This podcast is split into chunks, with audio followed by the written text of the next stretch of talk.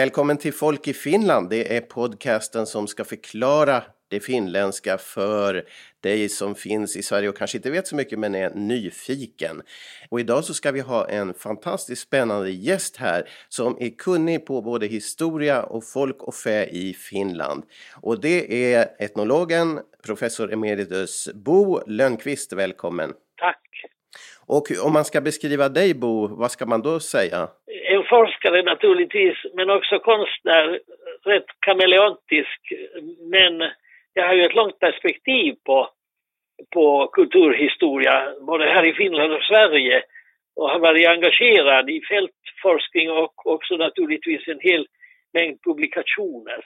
Det är nog inte en fråga om någon, någon spikrak karriär utan det är snarast olika skeden i livet som man har hamnat in i. Men etolog eh, blev jag ju tidigt kan vi säga och, och ja. alltså folk, folklivsforskare i den gamla klassiska meningen. Du sa konstnär, var det till och med så att du tänkte dig i konstnärsbanan i något skede från början eller? Jo, det var nog starkt under skoltiden. Mm.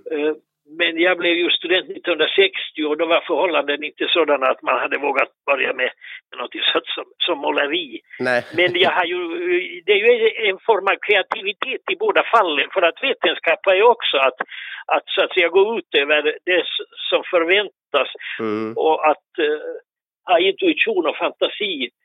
Det är den ena hjärnhalvan, sa en, en av mina målarlärare i tiden, att du, den, den, här, den ena sidan målar du med och den andra så, så skapar du eh, vetenskap Ja, just det.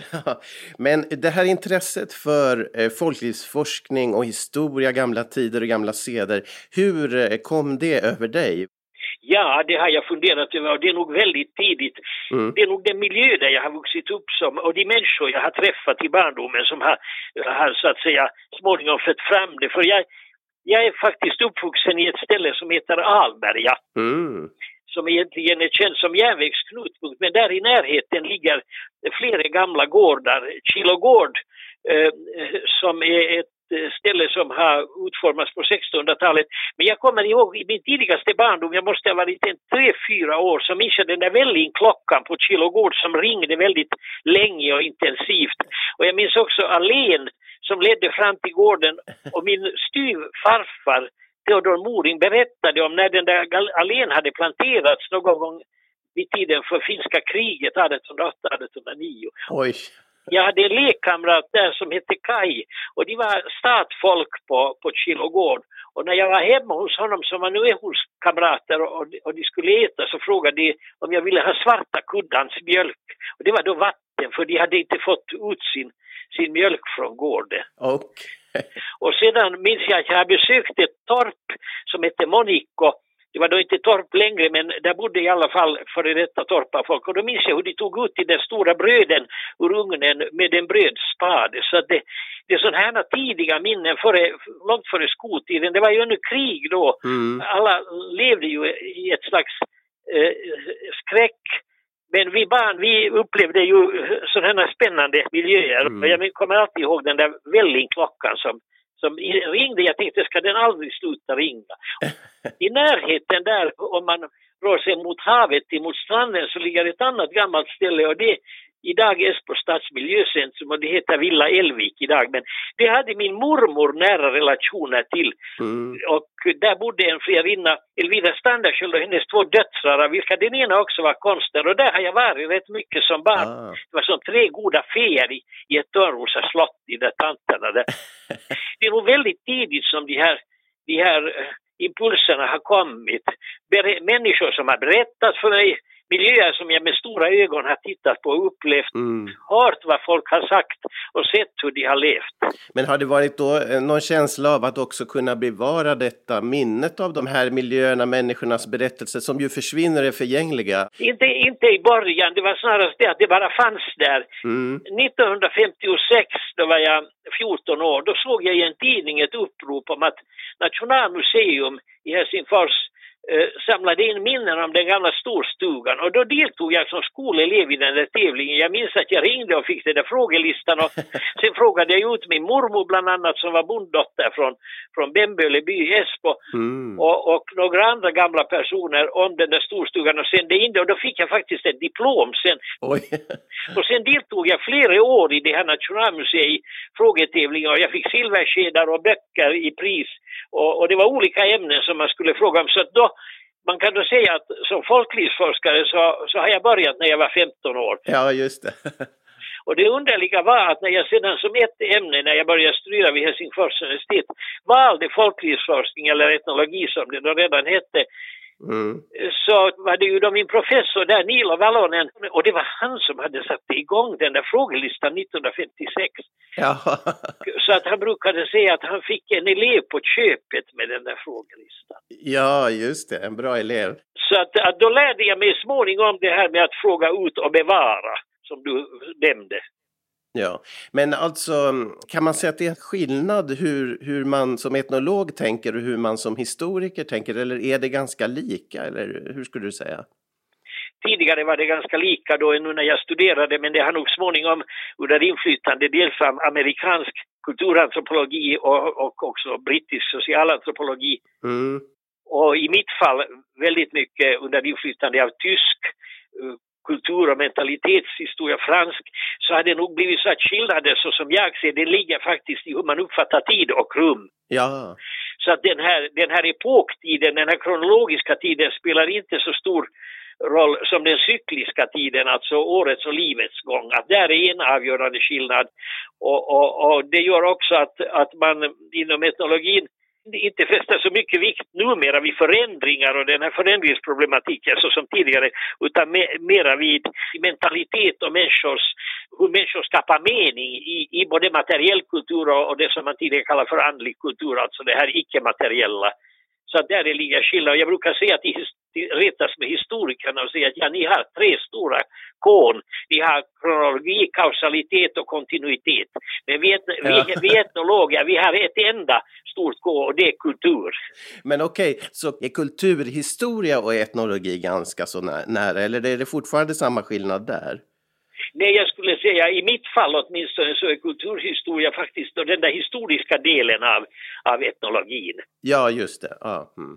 Och, och så har det nog varit också framförallt i Sverige för att, att om vi tänker på Skansen så inte var det ju Artur Hazelius som jag just håller på att skriva lite om. ja. Inte var det så kronologiskt utan det var nog mera dels det här, Mm. det här rummet, alltså det regionala, de olika bygderna och sedan var det också då det här med det dagliga livet att Hazelius, eh, Hazelius han återupplivade ju där på Skansen eller förde Ja. ju in ett levande liv där med, med dalfolket och så vidare. Så. ja, ja, precis. Och du säger att du skriver om honom. Vad är det för någonting som du gör? Ja, det är ett gammalt tema. Man försöker ju när man är 80 och minus så att säga sopa undan sånt som har legat i knutarna. Ja, okej. Och jag har ett, ett material från mitten av 70-talet från, som jag eh, gick igenom på Nordiska museets arkiv. Det vill säga Ar- Artur Ah. Hazelius korrespondens med finländare och, och va, varför han tog kontakt med folk här i Finland, i vilken av, avsikt han tog kontakt och, och vad, vad man diskuterade och, och Mm. hur, vilka hjälpredor han hade här och sen vad han ville ha, det skulle ju vara ett nordiskt museum och vad han ville ha från Finland. Så det är det jag håller på att skriva. Men var det inte så att Topelius till och med hade en dikt på invigningen av Skansen? Var det inte så? Eller? Jo, för att Topelius var en som Hazelius korresponderade med för han ville ha också bidrag av finländska eh, författare till sina, sina, sina böcker och sina Ja. de här stora, stora bilder, svenska bilder som heter Runa och Saga och jag tror att Topelius där också har bidrag och sen var det andra här i Finland som sände bidrag. Att Det var en kategori som han hade kontakter med men sen hade han ju då kontakter med med folk som direkt levererade föremål till Nordiska museet. Till och med ett finskt rökporte från Karelen försökte han få till Skansen. Jaha. Men det fanns inga, inga, det var så ruttna alla som fanns kvar i Karelen och sen funderade man på att bygga upp ett nytt men det hade blivit för dyrt Så det, man, fick ju, man har ju sedan där en, en gård som heter Finngården och det är ja. just en rökstuga. Det. Men vi ser rök bort det här. Och i vissa små förhållanden så kunde man också bada i, i den där. I ja, den där. Men vanligen var det nog ett boningshus med, med, med en sida för djuren eh, och, och sedan själva portet på den andra sidan. Ah. Det var ju då alltså inrökande stugor vilket gjorde att de, de var stora och, och, och det där röken samlades där inne när man, efterhand när man eldade. Ah, ja, just det. Okej. Okay. Jaha, men det här med Sverige och eh, etnologi och Finland. När, när du har jobbat med eller, och forskat med, om etnologi i Finland då, och sen jämför du med Sverige, är det, är det totalt detsamma? Jag menar, det var samma land eh, långt tillbaka och eh, ja, det är Norden och så vidare. Eller, eller är det skillnad i, i den svenska forskningen och, och din forskning, eller?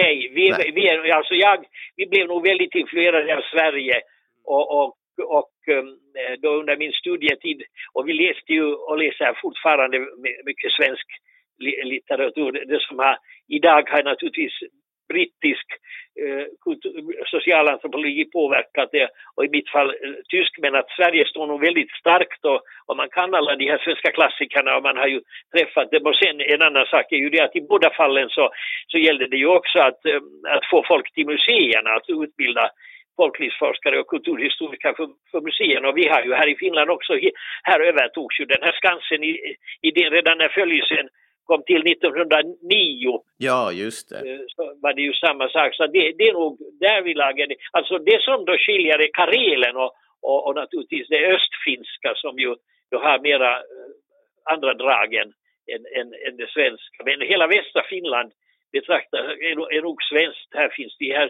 uh, samma, samma bebyggelsetyper och, samma gårdsstugor stugor och så vidare. Ja, och, och, men du har haft mycket kontakter med kollegor och vänner i Sverige också under din karriär då?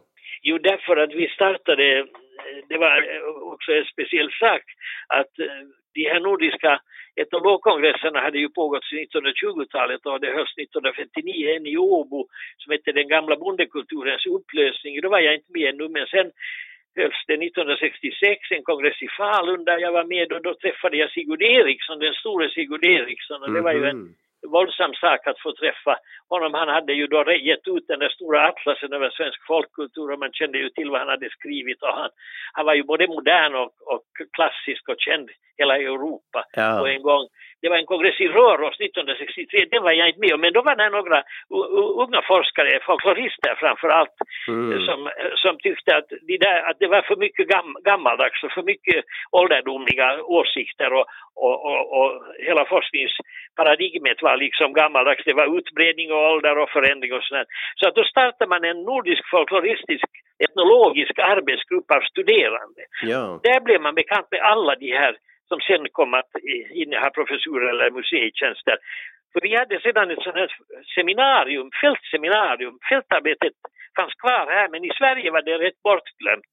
Detta, detta att åka ut i fält och ha expeditioner. Oj, spännande. Och, och det, arrangerade, det var jag med och arrangera i Vörå och där var alla de här, uh, de här etnologerna som som sen kom till Orvar Lövgren till exempel och Mats Hellspång som gamla goda vänner. Ah. De, de, var med där på det där seminariet och då, då höll vi på att diskutera hur man skulle arbeta i fält, alltså hur, hur, hurdan intervjusituationen skulle vara, hur man skulle dokumentera och att man också, danskarna kom och, och talade om att dokumentera inte bara det förgångna utan, utan de hade gjort en statsundersökning i, i, i, i hur man levde nu. Alltså det, ah. det, det var det som kom in sen starkt och detta också att ta ställning genom, genom sin forskning och, och, och försvara hotade miljöer och sånt här. Och det är nog det är 60-talets bidrag och, och det, det, var under den tid som jag kom att, att bli, bli sedan aktiv också som anställd på Litteratursällskapets arkiv. Så att, ja, just det, det var där du var. Ja. Då hittade jag bland annat under mina fältarbeten den herrgård som jag fortfarande håller på att skriva om och där jag nu i, i, i vars närhet jag, jag nu bor alltså. 60, 60 år senare, Kulla i Strömfors öster om Lovisa. Just det. Så, så det, eh, du hittade, alltså du fick upp intresse för den eller? Då? Ja, det var så att, att jag var här för att banda dialekt och teckna upp ortnamn och samla in föremål vi var ett antal studenter, samlade in föremål för ett hembygdsmuseum. Okay. Och så kom jag av en händelse hit ner till den här gården och här intervjuade jag sedan torpare om torparlivet.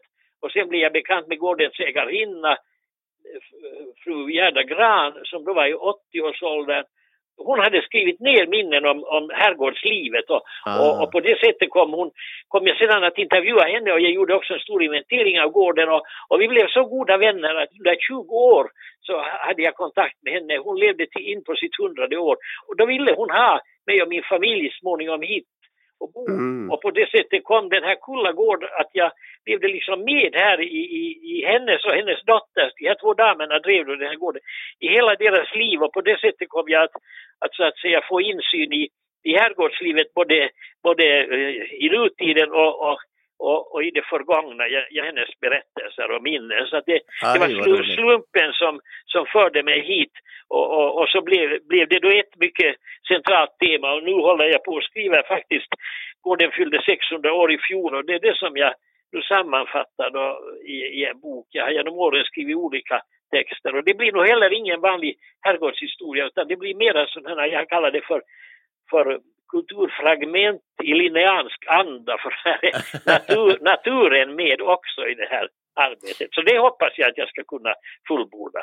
Så att på det sättet blev, blev ett forskningsprojekt, började med en inventering som sen blev ett forskningsprojekt och så blev det ett sammanställe och sen till slut då ett, ett medlemskap i en stiftelse. Så det är hela under 60 år då hela skalan fullt ut av vad en herrgård innebär. Vad spännande, den, den eh, historiken ser vi fram emot. Men avslutningsvis Bo, eh, den här delen av min serie som nu pågår här i, under viruspandemin så har jag fokuserat på kvarteret där jag själv bor i Kronohagen. Och du är också en Kronohagsbo har jag förstått då, så att du och ingår i serien Kronohagsbor, eller hur? Det kan man säga. Jag flyttade in i Kronohagen eh, när jag hade blivit filkan 1966 och då hade jag fått anställning just på Litteratursällskapet och då skaffade jag mig en egen lägenhet, eller hyrde en egen lägenhet. Så att jag har bott i Kronohagen sedan 1966. Är det en förändrad stadsdel eller? Den är förändrad på det sättet att, att um, där är färre människor för att och, och husen har blivit mera privatiserade. Mm. Det fanns väldigt mycket hyreshus mm. och små, små, smått folk i övre delen av Kronohagen. Mm. Men, men det har fashionabiliserats så det kallas för gentrifiering den här processen att en stadsdel så att säga uppgraderas socialt. Ja, och sen har, ju, sen har ju ministerierna expanderat där. Ja, de har tagit över flera hus här ja, och byggt jo, nytt det, också. Jo, och, och där har rivits en del men att i stort sett så, så kan man nog gå, gå där i drömmen till och med så som det var ja. när man kom in där. Ja, vad fint. Ja, men vad roligt Bo, det var fantastiskt att få prata med dig idag och eh, jag hoppas verkligen att vi kan återkomma lite längre fram och hoppas du har det lugnt och skönt och fint i ditt arbete där ute med dina skrifter. Tack ska du ha, tack. Vi återkommer.